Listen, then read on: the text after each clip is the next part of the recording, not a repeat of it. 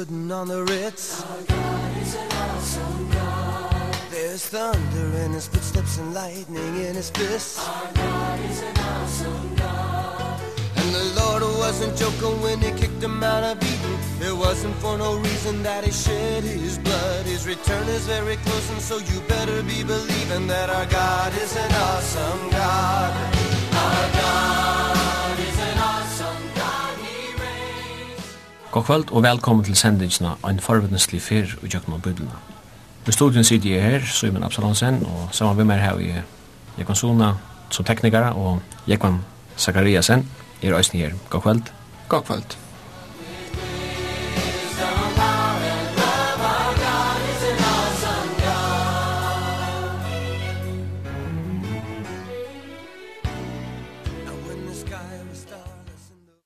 Av fer okkar i jøgnum Bibelen er vi kom til uh, 17. krønikebøk. Høvesevne i 17. krønikabók er templet.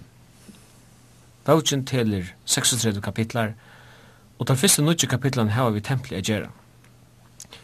Vi lesa om fyrirreikning av byggingene, vi lesa om sjálva byggingene, om vøkslene av templene, og så framvegis. Stjøtnar til Salomon kongs er et hattarpunkt i søve Israels. Men det er tidligst som at etter at Salmon var deir, så får kjøtt genga nira bakka. Tilstanden i tempelen er av mengan hatt en mynd av andalig støv falksins. Ta templet var vandrøkt eller rant, var hetta en mynd av støv falksins møtvis god. Omfram Salomon er det særlig tvær kongar og iskæra framur. Til er Ezekias og Josias. Til verst er det merke til at omvendingen av tempelen hei stauran tøtning fyrir lufsverk tarra. Templi er, som vi avir hava omtala, ein mynd av sannløykun som vi æsne sutja i nødja Testament. Partier er nekver i bøtjen. Vi sutja juda og fudjendartes. Merskesvert er til døms a sutja at Israels rujtje leib av juda. Men Israels konge i Europa miste 500.000 hermenn i Bardian mødi Apia og Juda som, jo, som kunne være sunnare rujtje.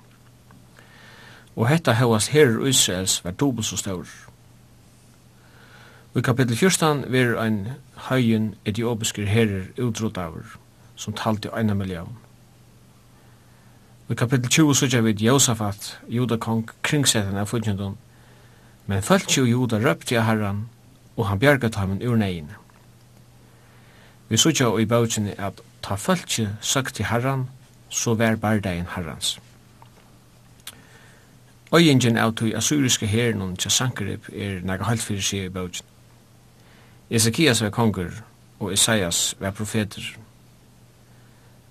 Vi leser om at Angel Harrans tundi 145.000 hermen av assyriske heimsveldnum, og krins, kringsetingen av Jerusalem var av.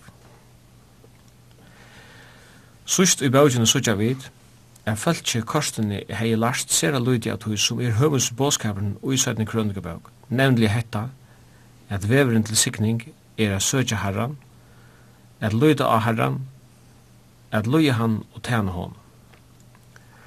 Júta fekk at enda som lagnu som Israels rujtjur, og fremmander kongar fingi herredømi iver Júta. Hetta er i høvesøyden til som jeg har finnst bursur ur Sødne Krønnegbøk. Og jeg kan, jeg ikke om du har nekva leggja træt? Det er kanskje ikke nekva leggja træt hans nær til at bogen er ekvile einföld, men jeg som er oss vel vi er og Krønnegbøk er at bogen lyser hvordan god fordømer eh, skaivar ritualisme og viser eisen jo hvordan dara kjente er at heva en formella respekt fyrir gode som alls ikke samsvarar bare vi karakter eller vi løystil. Og så må at heva symboler, jeg husker om allan tans oblekken som er i tempelen så vågjere, at halka seg nøglunda til det, men liv som du vilt, og til det som eh, bosen her løyser fyrir okken, er at konganer, tar brukte gå år, tar høyde gode mynter, og tar høyde gode ritualer, men tar skjøttet vi øren åren, men liv kortene som du vilt, og til hetta som bosen fordømer. Og vi sørger det demonstrera i bókene.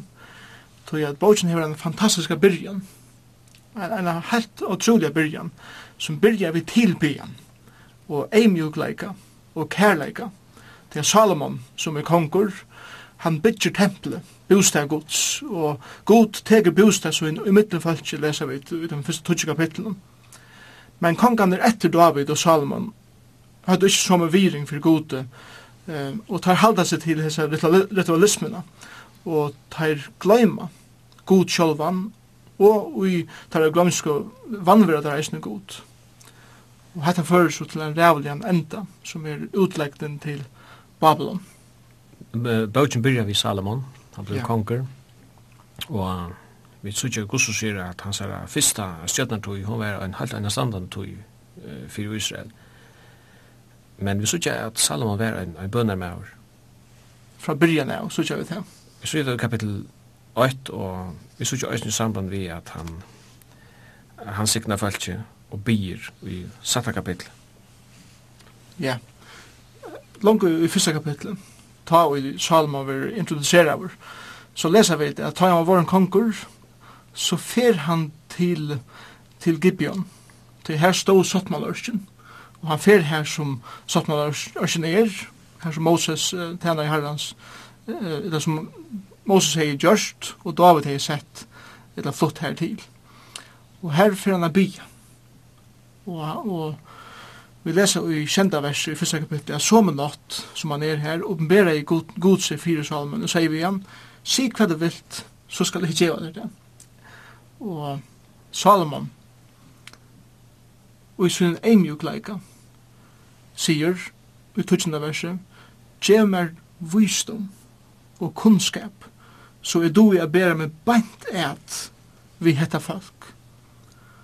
Og ta i god høyre en slukka bøn, så sier han at du skal få visdom, du skal få kunnskap, men du skal få alt anna at se at det fyrir at du bæra en slukka bøn til mun. Så, så Salomon, så sier vi fra byrjan av, som han unge med var, eimjukur, og han yngste ikke det som var rett, han yngste var rattur, Og det tykker han er lærst av pappa sin, David.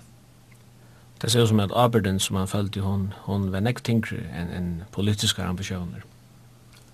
Ja, det var en godsøttande eh, ambisjon som han hei, at, at loja god og gjøre som god yngste.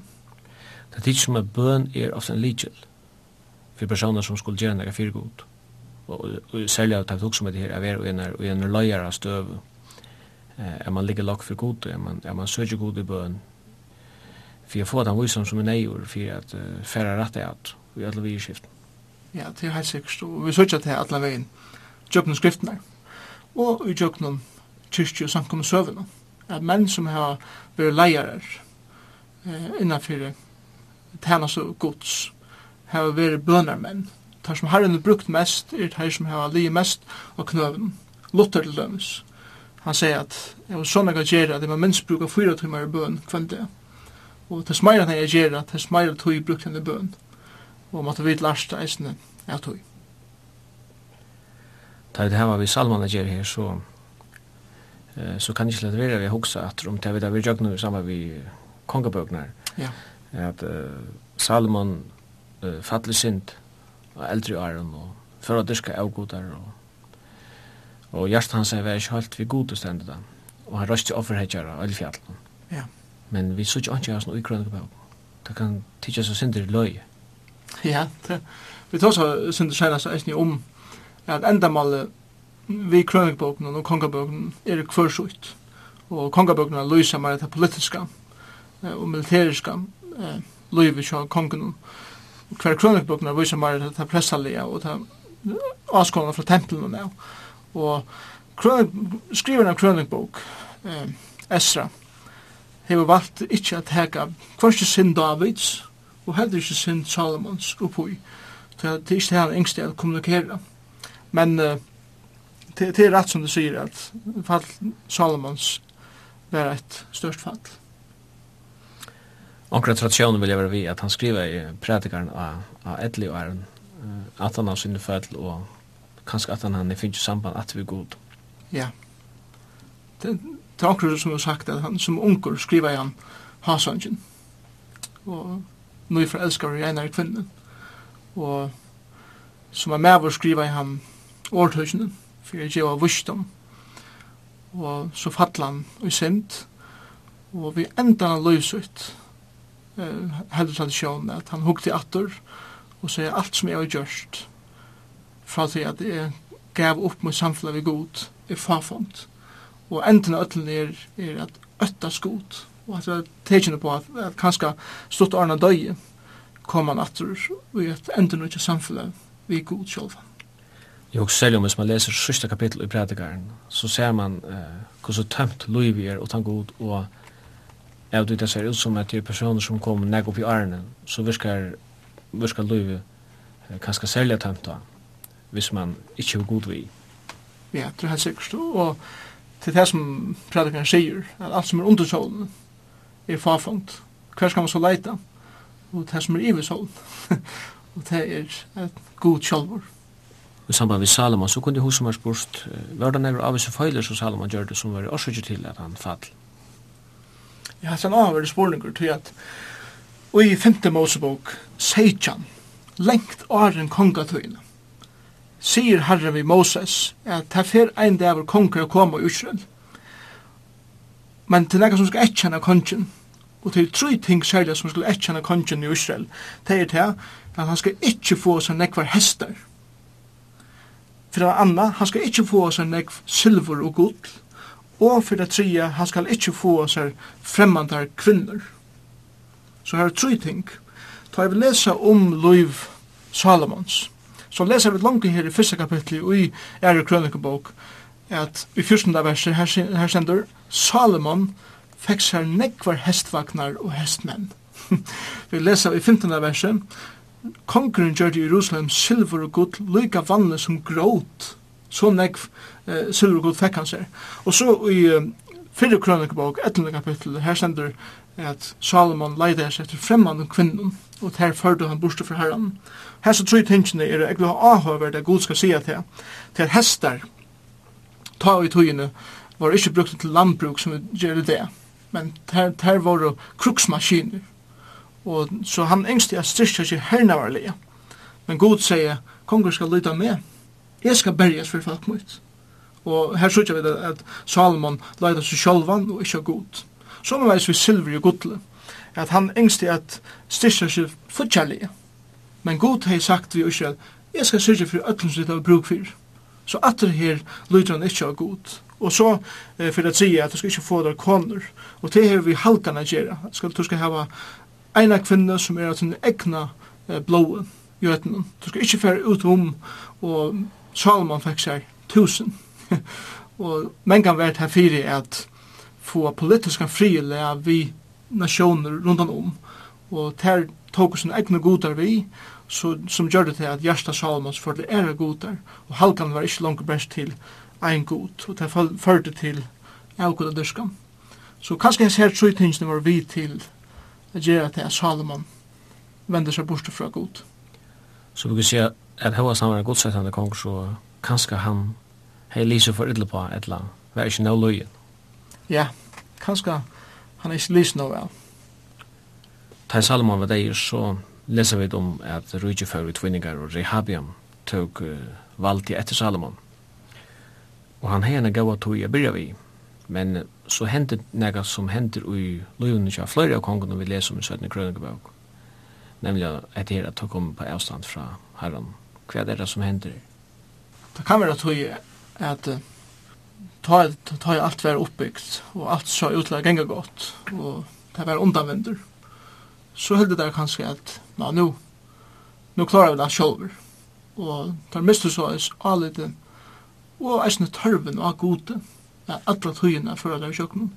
Og så kjøtt som det kom inn i hoheimen, så en kanskje, så byrja langt en fall i løyven.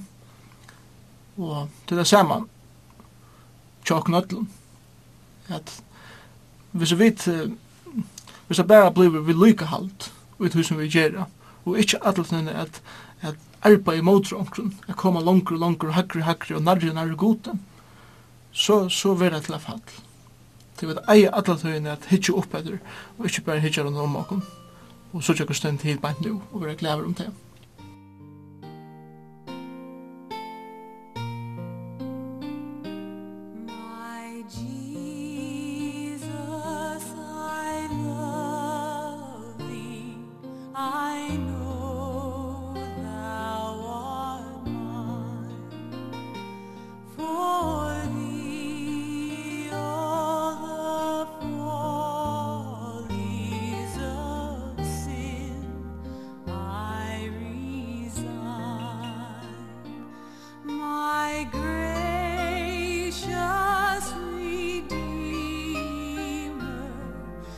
I say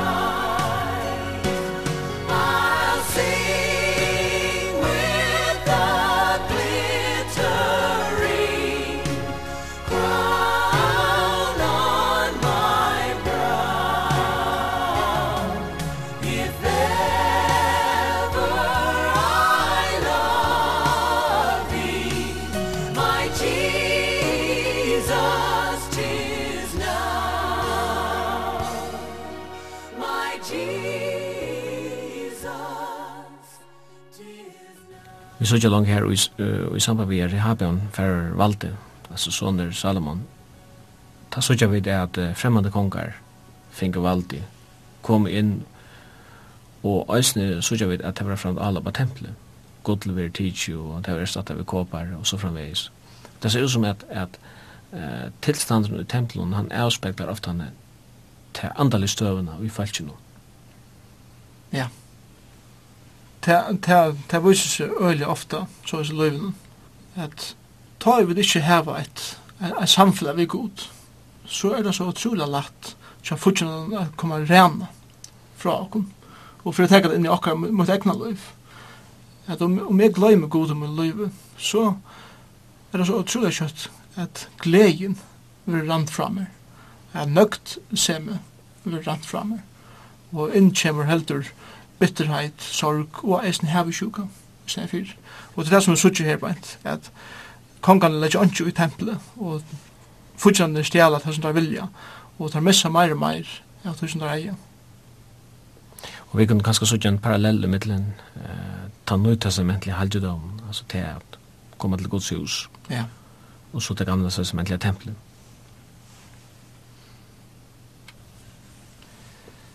Jeg kan til syrkjelig at sutja hvordan tempelet fyrir, da man hoksar om hvordan vel alt var planlagt fra byrjan, ja, og fyrrøykingan som ble gjørt der, og vukslene av tempelen og, og kvart og søgna. Ja, det må jeg si. David hei finnje atlar, atlanenar fra gode levera er. Såle skal tempelet sutja ut. Og han har gjort alt for arbeid, men uh, Salomon var han som skulle bytja tempelet sjoldt. Og i øren kapitlet, og i er krønikebok, byrjar så Salomon at gjøre fire reikingarna til at tempelet skal byggjast. Og jeg som gjelder utrolig avhåverst, er ta tavet hoksa om skrivaren av er krønikebok, og traditionellt vil det heldig være Esra. Alle detaljene som han gjever okkom, om kvart mål, om kvart møbelstyrkje, om, om kvørst stitje av tøye som var brukt alla veien i kjøkkenen.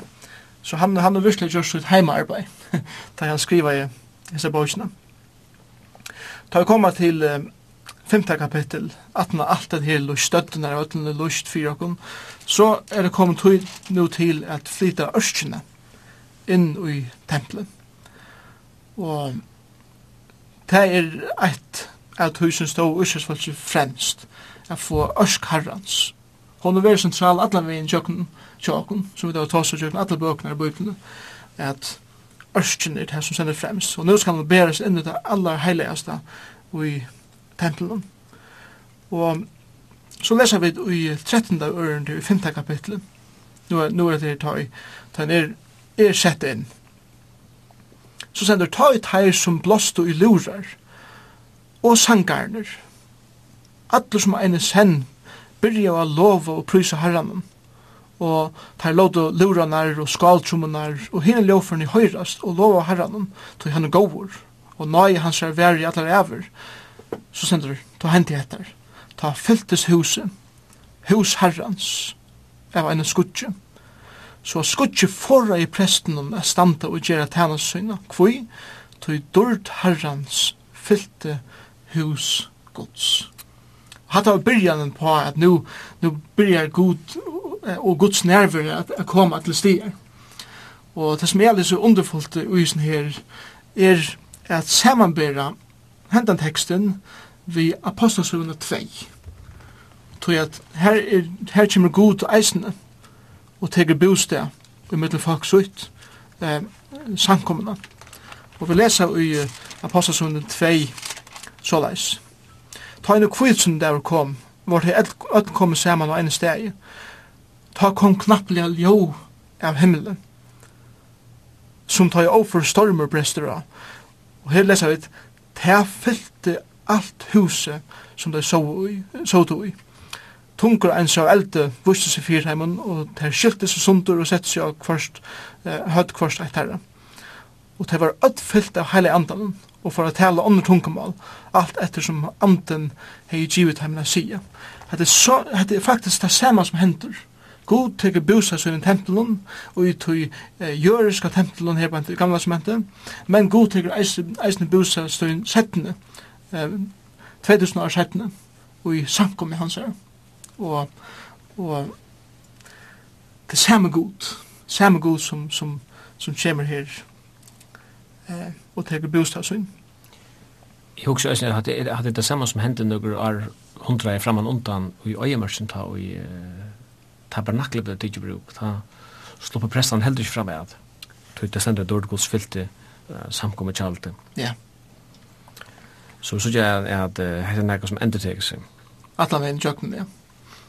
Og, og det er avhåver så at det er dårdet som gjør det at han ikke kunne komme inn. Og, og jeg komme, kunne komme så nær til god er det mulig for en menneske. Tog at god er så dyrabærer og, og fantastisk. Og det gjør det at han kunne ikke komme nær. Og i samband med voksne av tempelen så leser vi om at det ble, det ble offra en ørgrunne av kreaturen. Her stender med landa 22.000 neit og 120.000 kreaturer av småfeie. Så her er vi rundt nekk blå. Men så leser vi samstånd som lovsang. Nu vet ikke om, om om det kan være torfer til folk som ikke sammenheng med det, men til anker som beskylda kristendom for å være en sladerhusreligion. Vi sier ikke noe atre av oss nere, og i 17 kroner bøk. Hva skal du si om at det, er ikke ja, altså en, en avhør spurninger er, hva er sambandet mittelen blå offer, alt den her, alt den der uthedlingen av blå skong fyrir kjebakt, og så knapple er det lovsonger. Til dømes i, i satta kapitlet, her, her byr eh, Salomon, en helt fantastisk bøn til Gud, hver han virkelig tilbyr, og han, han eimer seg for Gud, og han byr Gud om å hjelpe dem i jøkkenen, alt det som det er jøkkenen som en, en tjov. Og så stender i kjenda kapitlet, vers 1, at ta i sammen hei enda bøn sinna, fatt eldre nye himmelen, og ødde brennja offre og sladra offre. Og sier, eh, tusen at helle av, av neiten og kreaturen, og så videre. Men mitt i øtlensen her, som man skal kalla det blå bæmen, så stendur at prestaner i satta versen, stod her som det åtta standa, og levittaner stod vi ljåføren herrans, som David konger hei leder gjerra, er at prysa herrane vi, tui nøye hans er verre i atler ever. Nå, vi minnes til at uh, hese lura spelarnir, blasarnir og strandjaleikarnir og trommeslåarnir og alt det som der høttu her. Det var 4000 i tal. 4000 tonlagar og i tempelen og det er vidar vidt så fra, fra fyrra eh, krønikebok. Eh, 15 vers 6 og eisne 2 kapitlet vers 5. Sverige hettar. det må alltid være en grund fyrir lovsong Det må alltid være en grund for lovsång. Til at om det ikke var, var nega blåoffer, så hei det heller ikke vært nega sankur, eller tonleikur. Men av til at blåoffer var offra, så fikk folk synda fyrirgjeving. Det er god en heilaver god som krever et blåoffer fyrir at sittla reie syna. Og ta i lampe og kreatur hver dripe, hver reie gods stilla. Og, og folk hei finnes eh, fyrirgeving fyrir syndersynar. Og ta at det finnes fyrirgeving fyrir alla syndersynar, ta hadde det alla grunt er syndja og er spela eh, tonelike fyrir gode som takk fyrir det som han har gjort fyrir teg. Nå, til det samme ikke okkon i det. Vi tar ikke blå offne langer, og at han hatt som det gjør det i gamla sementen, men vi tar et offer som døye eina fyr, fyrir alla sender, og til alla tøyer, og det er Jesus Kristus, som kom a dodja og reis opphaldet for en deg okkon til evig synda fyrir gjeving som tryggva han. Og det er det som gjevir okkon som tryggvandi det en grund av syndja og spela tonleik fyrir frelsar okkara og, og god i okkara. Og, og tog sier er vi tryggvandi folk i det syndja lov i herran og vi tonleik og hverjan lovføren det så er tog at vi tar en grund av gjevir det og det er nemlig offre som er offra fyrir synder okkara. Og her er så samband i middelen blåoffer og lovprisen. Jeg kommer huske om oppenberingsene her, Johannes forteller dette her, at han sa et lamp og en så drype. Ja. Og så leser vi de disse her skærene som, som fodler ned, løte kronosene ned, og røpte, verdet i lamp, jeg får høyre måte. Hadde ganske mindre og nærke om at det samme, som vi er inne på her. Ja, det er mindre om det samme, vi er hjemme i himmelen, ta ver lovprysan i allar ever. Alt som er avhverst korsene, det er, det er tøyer hver det ikke er lovsonger. Sjølt om eh, vi gengar saman vi gode, og vi sørger det her til dømes fra tabernaklen og i, i øyemørsene. Det er tøyene at tabernaklen var lesa ved angandi om lovsang saman vi blåoffnen. Vi lesa om lovsang og i, første, i æremås på 15 tar er komne iver om reihavet, at, at Miriam synger fyrir gode, men så ikkje atter fyrir enn i fjore målsbok 21 leser du at, at han synger atter fyrir gode. Og sporingen er kvui, og jeg tror at, at, at øyemørkjen var en tøy hver uskjøsfolk var under tikt gods, fyrir ånøkt sømme, fyrir grenj og fyrir vantrygg syna. Og den samme vi, vi tryggvandi i det, sjalt om Kristus her er, er deg fyrir syndemøyner, om jeg lever et liv bortsett fra herren, og i ånøkt ånøgtsemme, og i vantrykk, og så videre, så vil han ikke være sanger eh, ur løymen, tog at hjertet mitt er ikke fyllt av gode. Og det er her, altså, det er hjertet av lovsanger må støye, først og fremst, og han kommer ut eh, av verden, eller ut i ljøførene. Og så det, det, det som vi lærer er først og fremst at hjertet må være rett, og er vi kunne låse og prysa godt han tar minne mig om Hebreerbrevet, det stender at, at om lovsångare till avvuxra varran, avvuxra varran som lovar navnet hans her, Ja. Og, og frukt eller avvuxter er utvorses uttrykk for innvorses liv. Nemlig. En planta hon, eh, hon växer ikke sjødare om du teker år i stelkene, så, så teker du liv i henne. Alt må komme innanifra. Akkurat. Og til det som som Efesbrev 5 eisen lærer okken, at om det er fyllt av andan, stort av andan gods, så vil det her østlet det vi synsja og lova honom. Læting fylla andan, så de tala kvart til andan. Nemlig. Vi var inne på at Jesus er en er avmyndar i offrenom. Er det æresan i bøkene vi sutja Kristus? Ja, vi sutja Kristus allan vegin tjøkken bøkene som vi deisen sutja Kristus i kvarjere bok og, og, og kvarjere blæsøy i skriftene. Kristus er offren, som du sier. Men Kristus er eisen presteren, Kristus er eisne kongren, ta lova i kongren. Og sjalt om uh, judakonganer, uh, judakonganer var best taler, eller omtaler her i, i Ære Krønnekebok, sjalt om teir fotla, så er god trygg for sjalt som vi David, og, og det var til at en dag skal en verlig konkur komme. Og det var oppfyllt til Jesus Kristus var føtter inn i den heim, at han var den verlig konkur som skal roa til atler og avgjør tøyer. Kristus er eisne myndaver i tempelen. Han, han er han er han som skal komme i stegen for tempelen. Det er det som er oppenberingen at at ta vi så stegen ta lei Johannes mest til at ønsk tempel var i hånd til at lampe var her som er offre Jesus Kristus og han er han som skulle tilbe at han og vi skulle ikke tørva til å fære til et avvist sted, et tempel, et gjøre sted til et lampe er her. Så vi sørger Kristus allan veien, det er som offer, som prest, som kong, allan veien kjøkken bøysna. Hvis vi skulle fære kjøkken alla kongene, så hei det tidsna kan nekva tog. Vi leser om gaua kongar, vi leser om bøynlega skodlese kongar, og så leser vi det om at det var jo judar og ikke halvhjertar kongar. Ja. Yeah.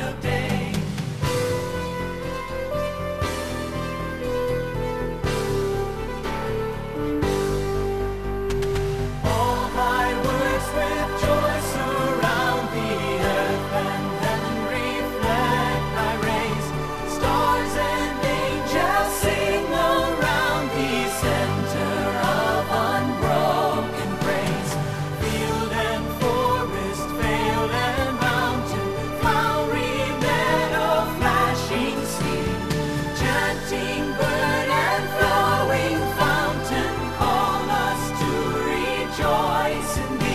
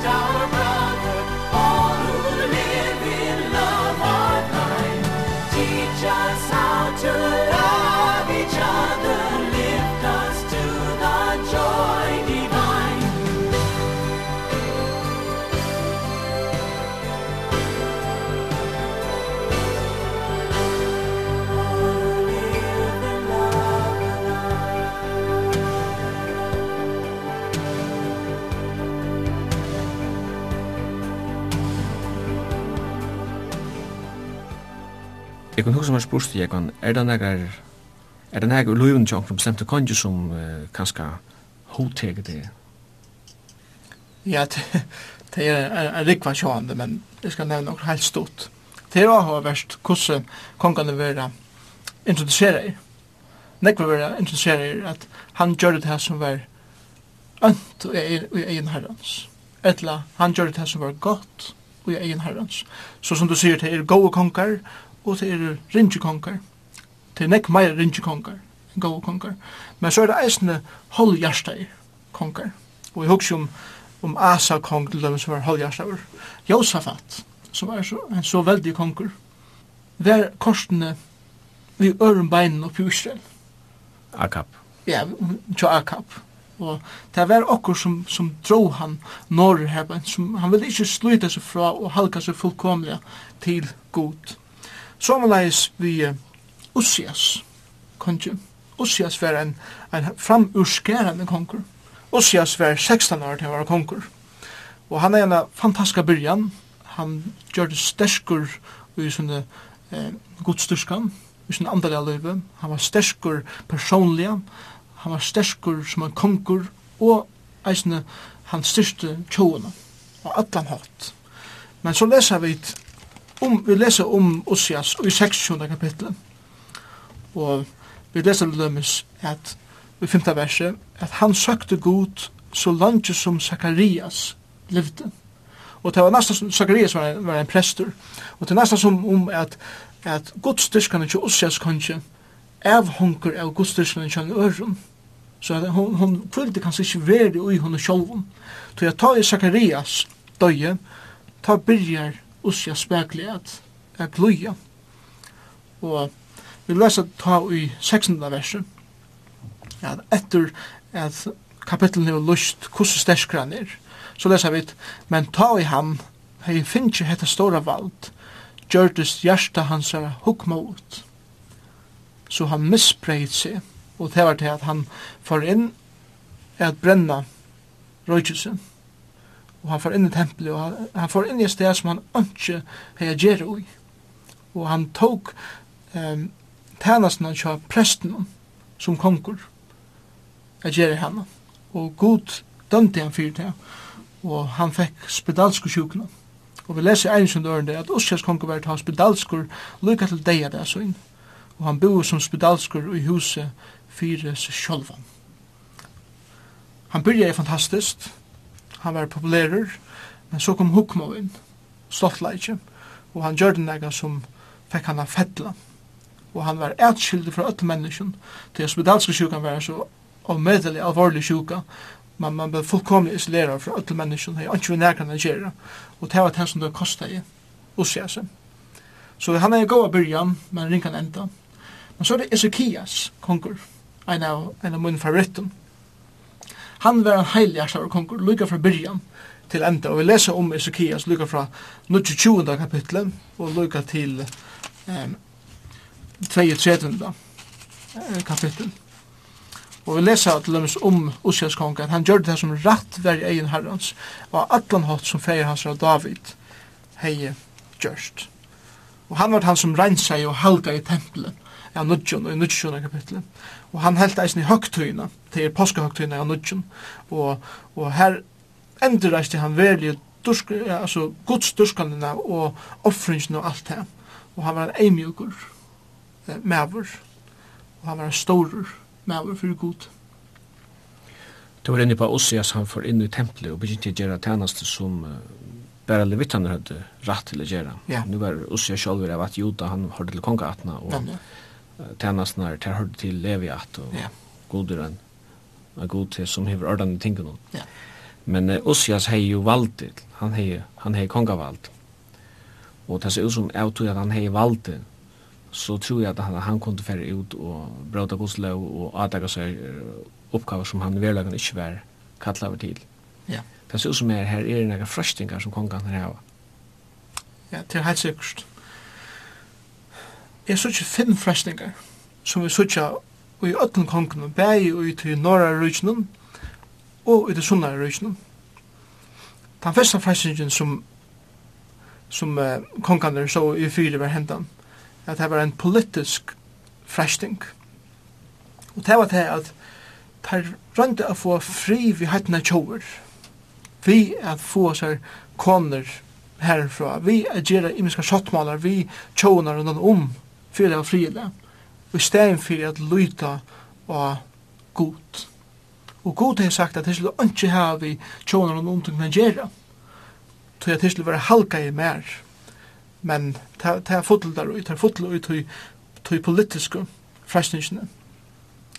Men så var det eisen en religiøs fresting. Og det var det at det er yngste at tilbya godar som kunne suttjast og som kunne nemast vi som nekvar som kvinnen tog vi inn i landet. Og tar god tog ære godar, at tilby ære godar samtugis som det skulle eitas for at tilby eh, Jehova, eller den eina goden. Og hetta lette, eller avgudar der skulle lette eisen til siløyse og annan ålevna. Men så var det eisen en fire skivanar eh, lasla, eller fresting, og det var hette at her gjør du godsfolk til trealer for at utdyna uh, sine egna atlan. Så det er utnytta av falskjum. Og det er løyde trældom av jødana sjolvar fyrir at bytja og fyrir at gjera landet sterskare og sterskare. Tog at her vilda og hugsa ikkje om, om falskjum. Men så var det eisne innan huses fræsting. Tog at nekra av kongen høyde nekva koner og tja koner som som førte til innan innanhuses strøy, innanhuses sorg, innan innanhuses sår, og det førte öll bort fra gode. Og så til senast, at femte fresting var en personlig fresting. Jeg vil sutja til dømes at ta ut og heva vald til konganer, så kommer stoltleik inn, det kommer maktsjuk inn, og til det som så, så her til Ossias, at det kommer maktsjuk her, at jeg skal nu roa eisen i til religiøsa i landen, og god dømte han for det. Og eisen sørger vi til nekven kongen øvund. Nå, hese frestingene er ikke bærs for kongene i Israel. Men hese fræstingarna standa eisene framme for leieren i det. Vi husker om leiere i samkommun og eisene leiere i kyrkjen eh, rundt landet okkara. Det kan være politisk fresting til at vi søker prestige i tog titlen som vi ber om heldur enn a luta av god og gjerra til arbeid som han vil by okkom gjerra. Det er eisne en religiøs fresting, at vi kunne gjerra så bunden til tradisjoner og ritualer som kanskje ikke er passera på Bibelen, at vi gløyma at til god eina som vi er tilbya og ikkje noen ting som vi kunne nema vi eller suttja, og god fordøven til eisne. Men så er det til han administrativa frestingen, at teir gjør folk til trealer for at utdina sånne egna atlan. Så det kan kunne vi som leier eisen være vi til at, at utnytta folk som kommer i samkommer eller kyrkjer okkar fyrir at få at hei tjøkken som er vil, og vi kunne øya folk som standa okken motor, eller vi kunne manipulera folk fyrir at få at hei eh, vi ut her som er insagjera. og god for dømer eisne slukan, slukan jeg hatt fyr. Så er det engan husets fastingar, og her hukse særlig om truskap innanfor tjunale, Om er jeg med som sann i læstløyne samkommet i den kyrkja, så ønsker god at det er komin mine tryggfor og i ötlom. Men det som er så sikkert det er at det er så utrolig utroskaper innanfor eh, læstløyne. Og hugsa om, om, om Amerika, jeg leser en er at fjóru kvör pastor hefur utrolig seksuelt i måte konu sin. Ein av hverjum fyra pastorum hefur er fotlen i ta syndene. Og hatt hatt sier vi med at jeg kan stand sterskur i hans nær, og jeg som frestingen tog at her er så verligere og i livene tjokken. Og så er det den personlige frestingen, at stoltleik kan komme inn i mitt liv. Jeg kan gjøre smaktsjukur, jeg kan gjøre øvnsjukur inn i onker annan som kanska dur okkur bedre enn jeg. Og om jeg fettelig og i nøkken av her, så er jeg utanfyrir det som god ønsker meg å gjøre, og i tænastene og i talasle som han setter med. Så vi så ikke hvordan relevant Bibelen er og hvordan så bøkene er og tui at det som er etkjende og den frestingar som kom inn i livet til kongen er det som kjøtt om vi livet er er tui en øren parste av heimen er omstøver så er det alt kjem til alt støv akkurat samme Jeg kan to nevnte at Ezekias var favorittkongen kjaderen han fikk så en son som at Manassi, og jeg råkker neva vi at Manassi er favorittkonger tja nøkron. Tja nøkron. Men eh, det er vi tok som gods nøye, ja. så sykja vi at han er ganske ångast så stersk er med det, som nemlig ui Manassi. Helt fantastisk.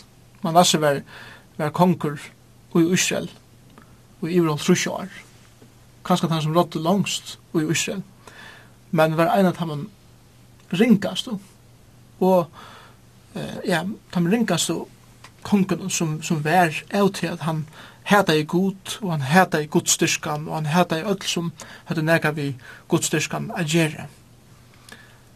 Men stutt arn han døye, og i tryrende kapitlet, venter han vi, og god viser en slik mann som hefur hæta han, og som hefur neve mot hon assut loiv, og teker han, akkurat som han er at det er nøye gods. Og til det som vi ikke er kunnskjer her i kvöld, er at det kan gjøre lukka, det kan gjøre samme hva vi det var gjørst jo liv. Og og det kan gjøre samme hvordan forstøyen tjokken ser ut. Om vi bodja knø okkar her som vi er nu, så sier Gud, jeg tar ikke det akkurat som du erst. Og jeg skal, jeg skal gjøre det nytt liv. Jeg skal brøyta det, og jeg skal Jokken alt lute gjør til meir og meir lukan mer.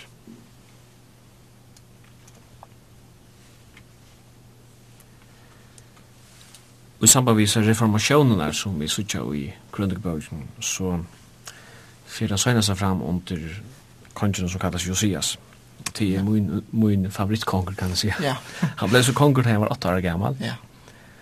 Og det hendte nega størst under hans her i 17.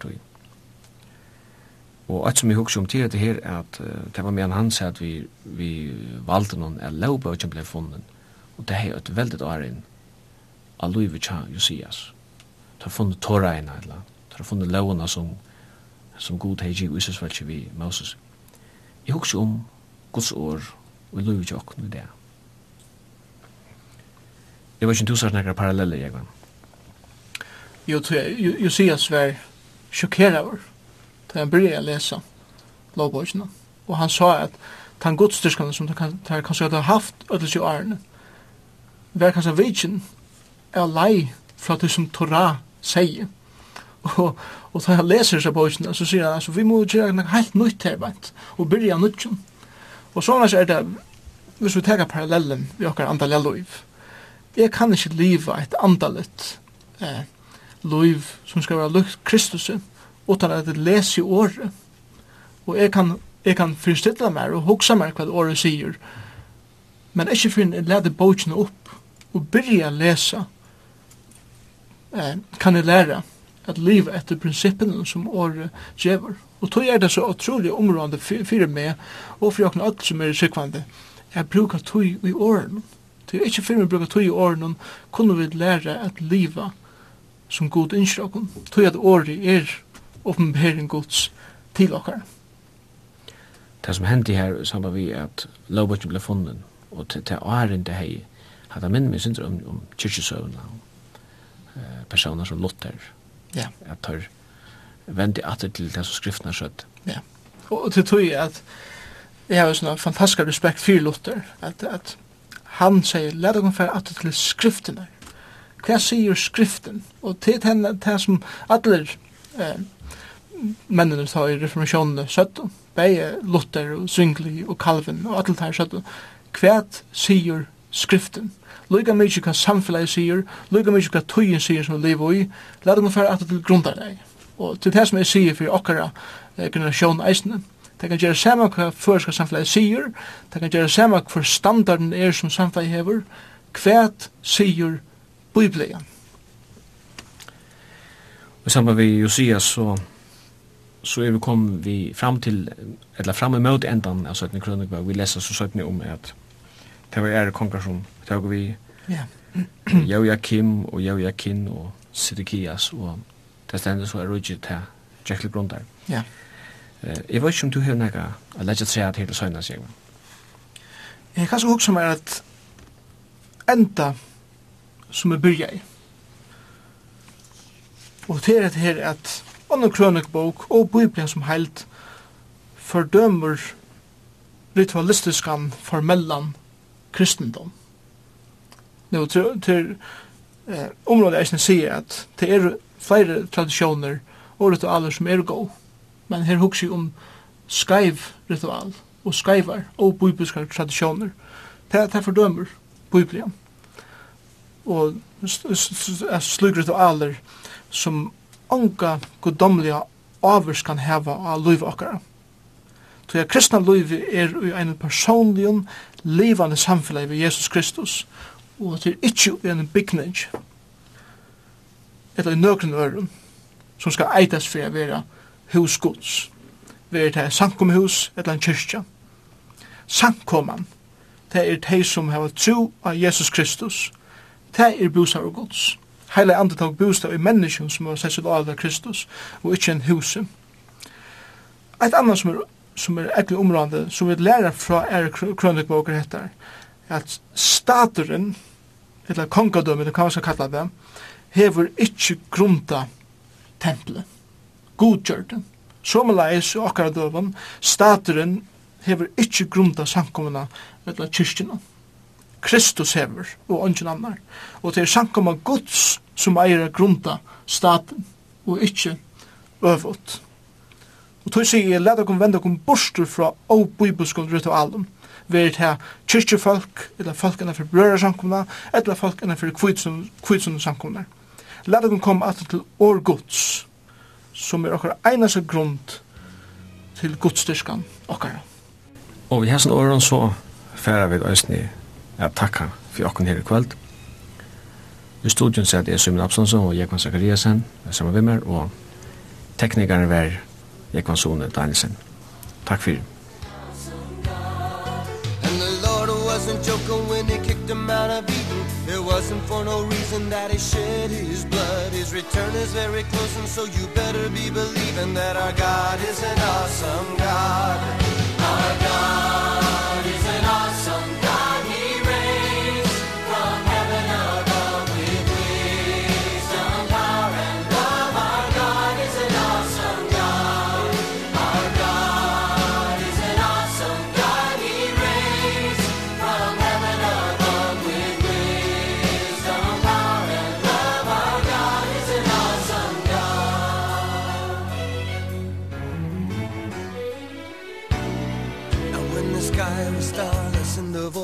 the night. Our God is an awesome God He spoke into the darkness and created the light. Our God is an awesome God In Judgment and wrath He poured out on Sodom. The mercy and grace He gave us at the cross.